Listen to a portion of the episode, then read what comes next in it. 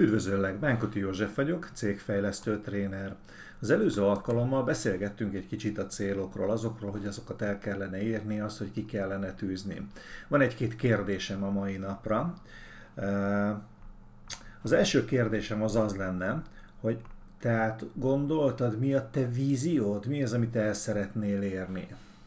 Mi is a vízió? Tulajdonképpen egy jövőkép egy olyan jövőkép, ami képes megváltoztatni mások életét, megoldást ad, élet valamilyen területén, könnyíti, segíti az embereket. Olyan ez a vízió, ami a munkatársakat is motiválja, ami miatt azt mondják, hogy ezt én szívesen csinálom. Ú, jó, hogy, jó, hogy ennél a cégnél dolgozhatom, mert itt teszünk valamit az emberekért, teszünk valamit másokért, és ezzel így tisztában is vagyunk.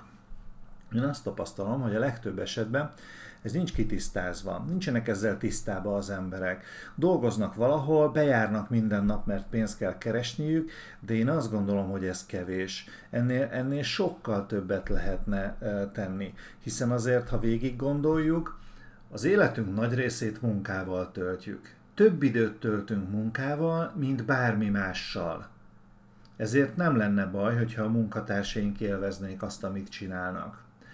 Úgyhogy ezért kell egy olyan víziót kitalálnod, egy olyan víziót megálmodnod, amivel te is jól érzed magad, és a munkatársaid is azt mondják, hogy hú, igen, ezért érdemes dolgoznunk, tettünk valamit másokért. Valamelyik alkalommal, valamelyik podcastban beszéltem már arról, hogy egy kicsit optimista vagyok, vagy nem is kicsit, hanem nagyon optimista vagyok, és lehet, hogy egy-két gondolatom utopisztikus, de de hiszek abban, hogy olyan munkatársakkal érdemes dolgoznod, akik, akik élvezik a munkájukat, akik nem nyűkként tekintenek a munkára, akik nem úgy vannak vele, hogy ó, elmenjen valahogy ez a nap, és aztán ó, menjünk és csináljunk valami mást, hanem akik örülnek, ha bejöhetnek, örülnek, ha a csapatot többi részével vannak örülnek, hogyha ha sikereket értek el közösen. És szomorúak, hogyha nem úgy mennek a dolgok, és akarnak tenni ellene. Nem azt mondják, hogy akkor továbbállok, keresek egy másik céget, hanem ott, van, ott vannak a cégnél, ott vannak veled, támogatnak, segítenek téged.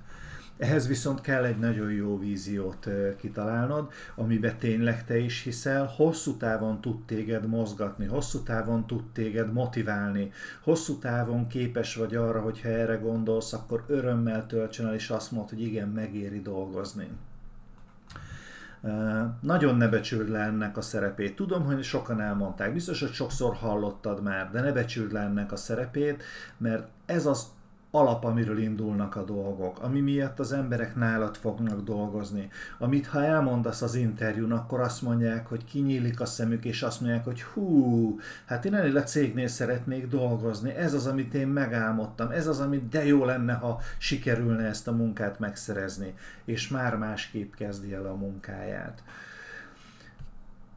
A második lépés, ami ezzel kapcsolatos, hogy a csapatod mennyire tud azonosulni ezzel a vízióddal, vagy ezzel a céloddal, vagy ezzel a ideális képeddel, mindegy, hogy minek hívom. Mennyire ismeri ezeket a célokat, mennyire ismeri ezeket a törekvéseket. Erre is mondtam már feladatot, hogy kérdezd meg tőlük ha ezt megtetted, akkor már van képed arról, hogy mennyire hamis képek alakulhatnak ki, mennyire hamis célok alakulhatnak ki egy cégben arról, hogy merre is kellene haladnunk, mit is kellene csinálnunk, mivel kellene foglalkoznunk, mi is az én munkám, mi az én munkámnak a végeredménye.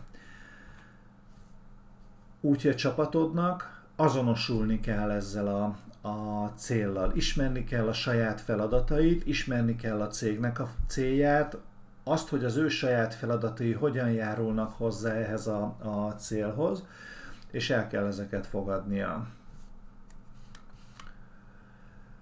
Továbbra is azt mondom, hogy még ott tartunk, hogy a jelenlegi helyzetet elemez. Nézd meg azt, hogy a munkatársaid hogy jönnek be a munkahelyre, időbe érkeznek, mosolyogva kezdik el a munkát, mosolyogva dolgoznak, vagy nehézségekkel, jaj, már megint, na mindegy, bekapcsolom a gépem, bla bla bla bla bla bla. Tehát nézd meg, hogy mi a jelenlegi helyzet elemzése. Nézd meg azt, hogy képesek-e arra, hogy elmondják, mi a te víziód, mi a cégnek a célja, mi a cégnek a víziója, hova szeretnétek eh, eljutni. Mesélek egy kicsit arról is, hogy mi a miénk, mi az enyém. Alapból én hiszek abban, hogy megérdemelsz egy jó céget a legjobb munkatársakkal. És azért dolgozunk, azért dolgozom, hogy ez meg is valósuljon a számodra.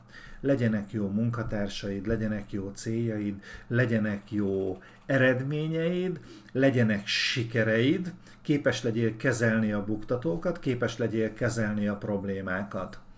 Ehhez igazából fejlesztési menetrendként e, tulajdonképpen négy dolgot gondolok. Az első az elemzés, tehát mindenféleképpen szükség van arra, hogy tudd, hogy honnan és miről indulsz el, hol vagy most, és majd aztán hova szeretnél eljutni, és ez lesz a második lépés, ez pedig a stratégia, a célok elemzése után tudod meghatározni azt, hogy milyen lépések szükségesek ahhoz, hogy előre haladjál. Milyen hosszú távú terveid lehetnek, és milyen rövid távú lépéseket kell most azonnal megtenni, hogy a hosszú távú tervek megvalósuljanak. Nagyon régóta hiszek abban, hogy nem a pillanatnak kell élni, hanem hosszú távra kell gondolkodni, még akkor is, hogyha azt mondjuk, hogy a mai világban ezt nehéz megvalósítani. Mert a politika, mert a külső környezet, mert a ez, az, az, az, az, az mindig lehet találni valamit, ami miatt nem érdemes hosszú távra tervezni, de akkor is hosszú távra kell tervezni. Na, tehát hogyha megvannak a stratégiák, akkor a következő lépés az mindenféleképpen a munkatársakkal, a meglévő munkatársakkal kapcsolatos nagyon drága elveszíteni egy munkatársat, hiszen tudást vesztel, tapasztalatot vesztel el ezzel, elveszítesz egy, egy kapcsolatot az ügyfelek közé, vagy az ügyfelek felé tulajdonképpen, és a cégednek se jó, ha a többi munkatárs azt látja, hogy folyamatosan itt jönnek-mennek az emberek, és nem stabil a gárda. Régen olvastam egy könyvet, Autóváros volt a, a címe, és tulajdonképpen ott írták le azt, ami egy nagyon érdekes dolog, párhuzamos csak egy kicsit ezzel, azt írták le, hogy ha egy új autó gyártását bevezetik, akkor rutinos autóvásárlók az első negyed évben, az első fél évben gyártott szériákból nem vásárolnak autót az ok nagyon egyszerű. Körülbelül ennyi idő kell a munkatársaknak arra, hogy megtanulják a teljes folyamatot, és tökéletesen készítsék el a saját feladataikat, ezáltal az autó tökéletesen készüljön el. Nem lesznek hibák, nem lesznek nem jól meghúzott csavarok, nem lesznek rosszul felrakott uh, diszítő elemek, és így tovább, és így tovább. De ez egy nagyon érdekes és elgondolkodtató dolog, főleg akkor, ha megnézed azt, hogy ha felveszel egy új munkatársat, akkor az első időkben mennyit fog ő hibázni. Mennyi olyat fog uh, csinálni, ami, ami nem optimális, amit nem úgy szoktak meg a vevők, ami, ami egy kicsit más, mint ami szokott lenni. Úgyhogy ne veszítsd el a munkatársidat, meg kell őket tartani. Nem beszélve arról, hogy nagyon sokba kerül egy új munkatársnak a felvétele, ha csak a hirdetést, az időt nézed, az elvesztegetett, mm, nem elvégzett feladatokat, ez mind-mind-mind-mind hozzátevődik ahhoz, hogy mennyibe is kerül egy, egy munkatárs. Úgyhogy meg kell tartanod a munkatársaidat, ehhez foglalkoznod kell velük, célokat kell tisztázni, a saját elvárásokat, és dicsérni kell, hogyha ha arról van szó, és számon kell kérni természetesen, és nem szeretem a büntetés szót, de tulajdonképpen éreznie kell azt, ha valamit rosszul csinál, akkor azért lesz valamilyen felelősségre vonás. És aztán a negyedik pedig az új tagok. Minden cég életébe elkerülhetetlen az, hogy új munkatársakat kelljen toboroznia, új munkatársakat kelljen beilleszteni. Nem biztos, hogy mindenkit fel kell venni, sőt, biztos, hogy nem kell mindenkit felvenni, jól meg kell nézned, hogy a meglévő csapatodban kik azok, akik beilleszkednek, kik azok, akiket el tudsz képzelni, nem csak szakmailag, hanem emberileg is, hogy oda tartozzon. Szokták tőlem kérdezni, hogy hogyan vizsgálom az interjúnál az embereket? A szakmaiságát vizsgálom előbb, vagy az emberiségét vizsgálom előbb? Kicsit furcsa szóval. Én igazából az embert vizsgálom előbb, hogyha ha az ember nem fér bele egy csapatba, hogyha az az ember nem alkalmas arra, hogy egy közösségbe dolgozzon, akkor nagyon meg kell gondolni azt, hogy a szakmai tudása az rendben van, de vajon mit hoz az, hogyha ő az ő egyéniségével, az ő stílusával bekerül a csapatba, szétrombolja azt a csapatot, vagy tovább tudja építeni, bele tud illeszkedni abba a csapatba, vagy kell egy külön irodát biztosítani helyére és elzárni mindenkitől, mert alkalmatlan arra, hogy emberek között igazából konstruktívan, pozitívan működjön. Úgyhogy ez a négy dolog, tehát az első az elemzés, a második az elemzés alapján egy stratégia felállítása, a harmadik a munkatársak fejének a rendbetétele, a negyedik pedig az új embereknek a felvétele és beillesztése. Ez a négy dolog, ami tulajdonképpen a fejlesztésnek a menete. És aztán ezen túl vannak természetesen, mert nem mindegy, hogy hogyan működnek a pénzügyeid, nem mindegy, hogy hogyan működik a termékfejlesztésed, nem mindegy, hogy hogyan működik a marketinged, de ebből a háromból áll össze az egész.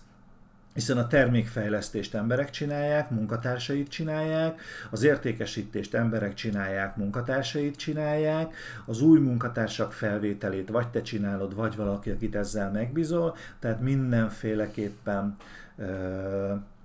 mindenféleképpen ezt a négyet kell legelőször rendbe tenni, mielőtt a cégednél bármit tennél. De hogyha ez a négy rendben van, akkor igazából azt fogod észrevenni, hogy elkezd jobban működni a céged. Anélkül, hogy új termékeket fejlesztettél volna. Anélkül, hogy nagyon sok mindent változtattál volna az értékesítési struktúrádon, az értékesítési stratégiádon. Anélkül, hogy nagyon sok mindent változtattál volna a pénzügyeken